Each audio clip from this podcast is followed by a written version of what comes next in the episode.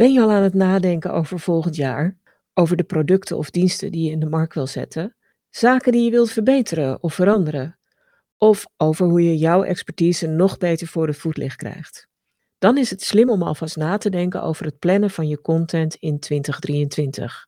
In deze aflevering van de 100% Expert Podcast geef ik je daarvoor een aantal handige stappen waarmee je zeker weet dat je een contentplanning maakt die je doelen echt helpt realiseren. Mijn naam is Linda Krijns en als content marketeer help ik kennisprofessionals en bedrijven om hun expertise beter vindbaar en zichtbaar te maken.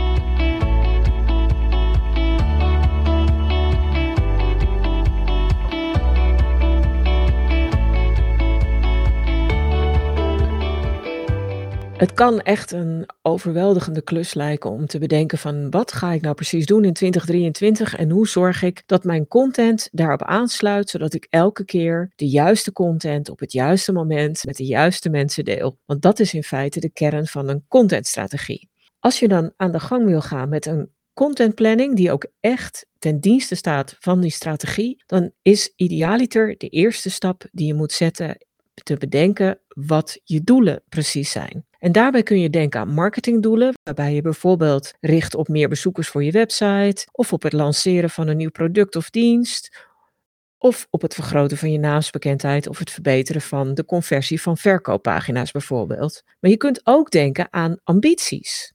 En dan zowel aan persoonlijke ambities als aan ambities voor je bedrijf als je niet als eenzame zelfstandige opereert. Bijvoorbeeld de wens om een boek te schrijven.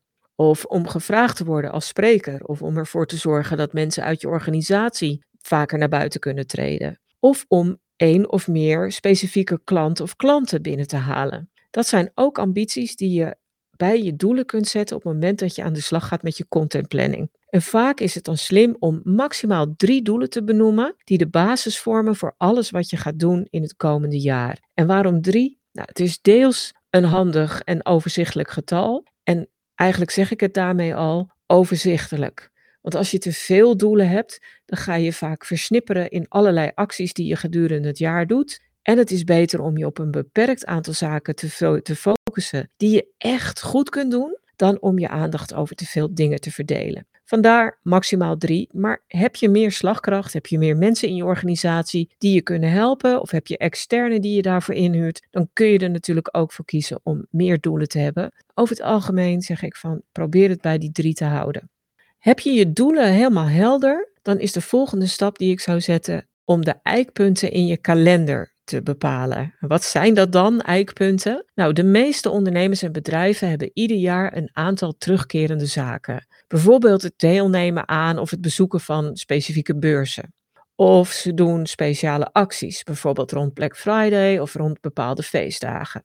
Of er zijn seizoenen of specifieke periodes waarin een bepaald product actueel is. Ik heb het niet voor niets aan het eind van het jaar over contentplanning en strategie. Want dit is voor mijn klanten een moment waarop ze daarmee aan de slag gaan en mijn hulp inroepen. En zo heb je eigenlijk bij ieder bedrijf wel een aantal vaste momenten die je kunt noteren en die je op kunt nemen in je kalender. En als ik het dan heb over contentplanning en contentkalender, dan is mijn volgende advies om eerst per kwartaal te gaan werken. Want heb je je doelen en zakelijke eikpunten in beeld, dan is het slim om ze toe te kennen aan een kwartaal of aan meerdere kwartalen natuurlijk. Want misschien wil je wel een groot deel of zelfs een heel jaar werken aan een specifiek marketingdoel. Maar probeer eerst in vier kwartalen de belangrijkste hoofdpunten voor jezelf op een rij te zetten. Want door die punten eerst aan kwartalen toe te kennen, maak je je planning voor jezelf echt al een stuk overzichtelijker. De volgende stap die ik zou zetten is om terug te kijken. We zijn allemaal geneigd om vooruit te kijken met een planning, maar vooruitkijken begint met terugkijken, wat mij betreft. Welke content presteert nou echt goed? Presteert nu al goed? Ga eens analyseren welke content of middelen al goed voor je werken. Want die content wil je waarschijnlijk vasthouden. Maar het is ook goed om juist bij goed werkende content en middelen weer eens met een frisse blik te kijken hoe je dat succes kunt vasthouden of hoe je het rendement ervan kunt vergroten. En daar zijn eigenlijk drie redenen voor. Allereerst zit je concurrent natuurlijk ook niet stil. En wat nu voor jou werkt, misschien wel omdat je hoog in Google staat, kan minder gaan werken als een concurrent het net iets beter gaat doen of aanpakken, of als die er meer budget tegen aangooit. De tweede reden is dat je bijna altijd niet alles uit je best presterende content haalt. En eerlijk gezegd, ik zie ook heel veel bedrijven en ondernemers die niet eens weten wat hun best presterende content is. Dus als je denkt van ja, wat is nou eigenlijk mijn beste content? En wat versta ik daar eigenlijk onder? En dan is het misschien slim om je nog even te gaan verdiepen in wat ik altijd noem de content sweet spot. Je allerbest presterende content. En in de allereerste podcastaflevering die ik ooit maakte, ging ik hier al dieper op in, juist omdat ik het zo belangrijk vind. En ik heb er ook een uitgebreid blog over geschreven op stroop.nl en ik ga in de show notes er ook verwijzingen naar plaatsen. Maar je best presterende content is content die zowel door veel mensen gelezen wordt, of bekeken of geluisterd, waardoor ze het ook zo interessant vinden en geboeid zijn en denken van, oh, maar dit, dit is goed voor mij. Dat je ook ziet dat ze er lange tijd naar kijken en naar luisteren. Dus in Google Analytics kijk je dan bijvoorbeeld ook naar de verblijfstijd op bepaalde pagina's. En je kijkt ook van, hé, hey, wat vinden ze ervan? Dat kun je vaak aan verschillende dingen afleiden. Ze vinden het bijvoorbeeld heel goed en vragen dan ook je weggever aan of abonneren zich op je nieuwsbrief. Ze vinden het goed, want je merkt dat ze het delen met anderen. En dan wordt je de URL van je webpagina bijvoorbeeld met anderen gedeeld via app of via mail. Soms nog via social media. Dus er zijn verschillende manieren die kunnen wijzen dat bepaalde content echt goed voor je presteert. Maar zoals ik zei, ik heb het ooit al eens eerder helemaal uitgelegd en uitgediept in de Content Sweet Spot. Kun je eventueel googlen, maar de link staat natuurlijk ook in de show notes.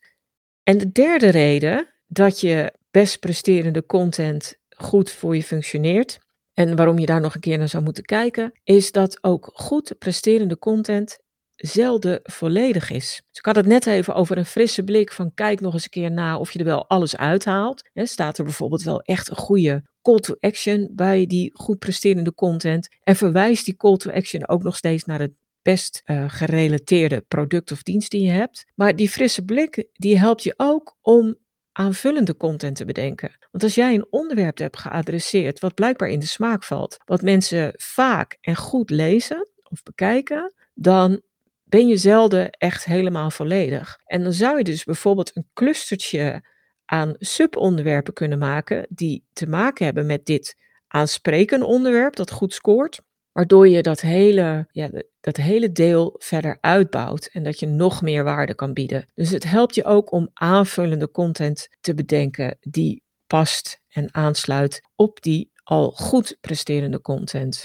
Als je dan een beeld hebt, je hebt teruggekeken, probeer dan om de acties die je voor jezelf ziet op basis van die best presterende content, om die ook in te gaan plotten in je planning. Want ook je best presterende content vraagt om onderhoud en kan vaak nog verbeterd worden of aangevuld. Dus probeer die aanvullende acties dan ook echt in je planning te verwerken. En dat is ook precies het moment dat je heel goed van die wat ruwe kwartaalplanning over kunt stappen naar de gedetailleerdere maandplanning. Zet deze acties er dan ook als eerste in bij de maanden waarop je denkt dat die content aanvulling, verbetering een goede rol kan vervullen. En daar helpen dan ook je doelen en je zakelijke eikpunten natuurlijk weer bij. Dus zo zie je dat je het dan al heel mooi kunt aanvullen. Dan heb je waarschijnlijk je contentplanning nog niet voor het hele jaar gevuld. En gelukkig hoeft dat ook niet. Want er gebeurt van alles om je heen waar je goed op kunt inhaken. En misschien voel je niet meteen op het eerste oog veel voor inhakers, maar toch zijn ze wel heel handig. Want goede inhakers zorgen er juist voor dat je op het juiste moment aanwezig bent met relevante content. Of in elk geval dat je op een relevant moment in de ogen van je doelgroep aanwezig bent. En wat is dan het juiste moment? Ja, dat verschilt natuurlijk ook weer per bedrijf. Het kan een beurs of een evenement zijn, maar ook een specifieke feestdag of een speciale themadag. Je hebt allerlei themadagen, watermeloendag, eh, science fiction dag, noem maar op. Sommige dingen denk je, ja, dat is echt te ver van mijn bedshow. Maar eigenlijk heeft elk jaar wel voor elk bedrijf een aantal themadagen waarvan je denkt, ja, daar kan ik wat mee. En je hebt natuurlijk ook nog thema maanden, zoals Dry January of November. Probeer dan ook die inhakers in je maandplanning te zetten. Pak een inhaakkalender of ga een lijst met themadagen en themamaanden af en plan ze in je maanden in, in je contentkalender. De volgende stap is om nog een keer na te denken over je expert content. Want als je gezien wil worden als een expert of als de kennisleider in je vak of branche, dan kun je niet om expert content heen. Het is ultieme content om de wereld te laten zien wat je in huis hebt en waarom je zo goed bent, of waarom jij beter of anders bent dan de concurrent. Expert content bestaat over het algemeen uit drie soorten content die samen een heel mooi fundament onder je expertstatus vormen. Een eerste is gidsende content.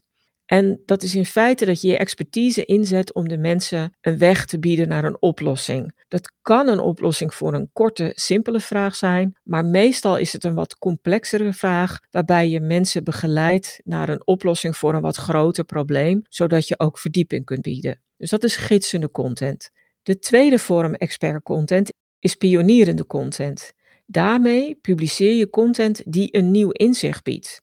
En nieuwe inzichten kun je op verschillende manieren bieden, bijvoorbeeld met eigen onderzoeksdata of juist met onderzoeksdata van derden die je zelf bij elkaar brengt en weer combineert, of met een nieuwe combinatie van kennis, bijvoorbeeld omdat je twee verschillende vakgebieden samenbrengt en daar elementen uithaalt en daar iets nieuws uitsmeet. Het kan ook zijn dat je een eigen methode hebt.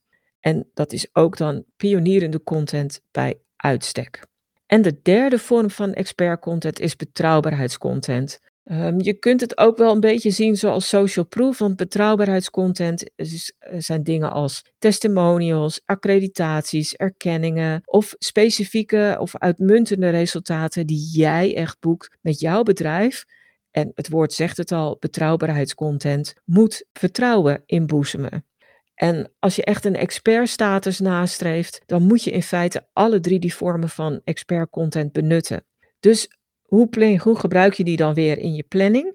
Kijk dan welke expert-content voor jou en jouw doelgroep relevant is en wat voor jou haalbaar is om te maken en te publiceren. En maak daarvan een lijst en kijk vervolgens hoe je per maand die nieuwe en bestaande expert-content kunt koppelen aan je doelen aan je zakelijke eikpunten en inhaakmomenten, waarop je extra dan relevant wil zijn. Want dan weet je al wanneer je welk stuk expert content ongeveer in welk deel van het jaar wil inplannen.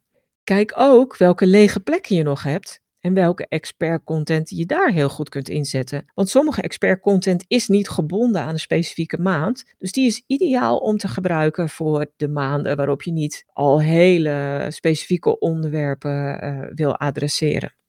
En nog even teruggrijpend op je best presterende content. Ik had het toen ook over welke content kan aanvullend zijn. Nou, die kun je ook heel goed combineren met die expert content. En ook op dit moment die aanvullende content goed inrichten of plaatsen in je maandelijkse planning. Zodat die planning nu waarschijnlijk al veel en veel gevulder is.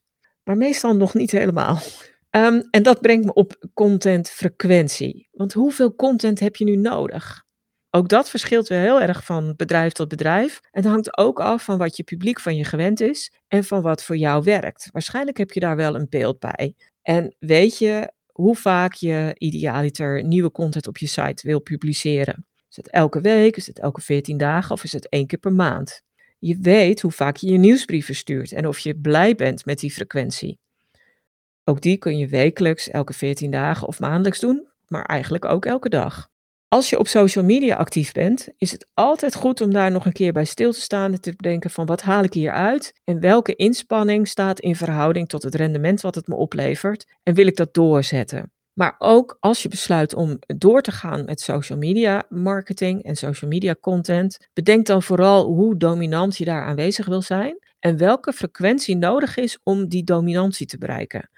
En dat verschilt ook heel erg per platform, want LinkedIn vraagt meestal om een lagere frequentie dan bijvoorbeeld Twitter. Maar het hangt ook van heel veel factoren af en ook weer van het format wat je gebruikt om te zien welke impact je kunt hebben op welk sociaal medium. En kijk bij die frequentie ook waar je verder nog content voor nodig hebt. Ieder bedrijf doet weer andere dingen, dus de een gebruikt gastbloggen nog als extra middel. En dat is juist voor experts en, en thought leaders ook een heel goed middel om beter zichtbaar te worden en expertise met een groter publiek te delen.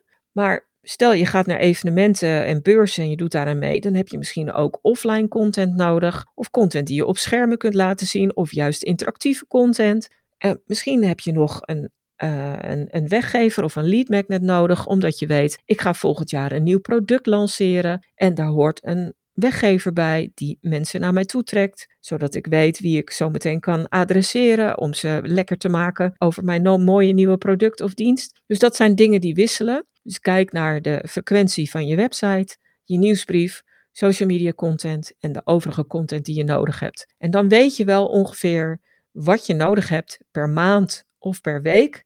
En dan kun je die weekplanning ook verder gaan invullen. Vertaal de frequenties van alle middelen die je wil inzetten naar een weekplanning. Wat moet ik in welke week publiceren? En dan zie je waarschijnlijk nog volop witte plekken staan in die weekplanning. Is dat erg? Nou, niet echt eigenlijk.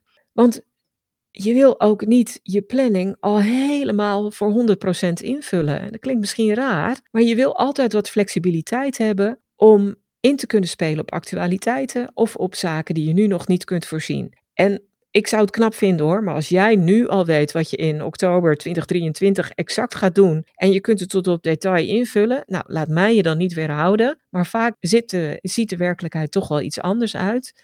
En dan zeg ik altijd: probeer in het eerstvolgende kwartaal, wat er aan zit te komen, echt voor 100% in te plannen. Dan kun je natuurlijk altijd nog wel inspelen op actualiteiten door iets eruit te halen en te vervangen door iets anders. Maar het geeft je rust en hou vast als je in het eerstvolgende kwartaal echt voor de volle 100% inplant. Het kwartaal daarna zou je voor bijvoorbeeld 75% of daaromtrent kunnen invullen. En de daaropvolgende kwartalen kun je vaak het beste voor 30 tot 50 procent invullen. En met je marketingdoelen, je eikpunten, je expertcontent is dat over het algemeen niet zo'n probleem om het in elk geval voor, tot voor de helft in te vullen. En dat geeft je gewoon de broodnodige extra ruimte om flexibel te zijn. En misschien zeg je wel van, oeps, ik heb nog steeds witte plekken in het eerstvolgende kwartaal, wat ik eigenlijk al wel helemaal wil vullen. Daar is ook een oplossing voor. En die zit hem in het slim hergebruiken van content. Heel veel content wordt vaak maar gedurende korte tijd gepromoot en gebruikt. En in het slechtste geval zelfs maar één keer. Maar je hebt juist heel veel contactmomenten nodig om echt de juiste indruk te maken. En zeker om mensen tot actie aan te zetten. Dus vaak heb je veel content nodig om die contentplanning te vullen. En dus witte, witte plekken horen erbij. Maar door bestaande content slim te hergebruiken, kun je die witte plekken vaak heel goed opvullen.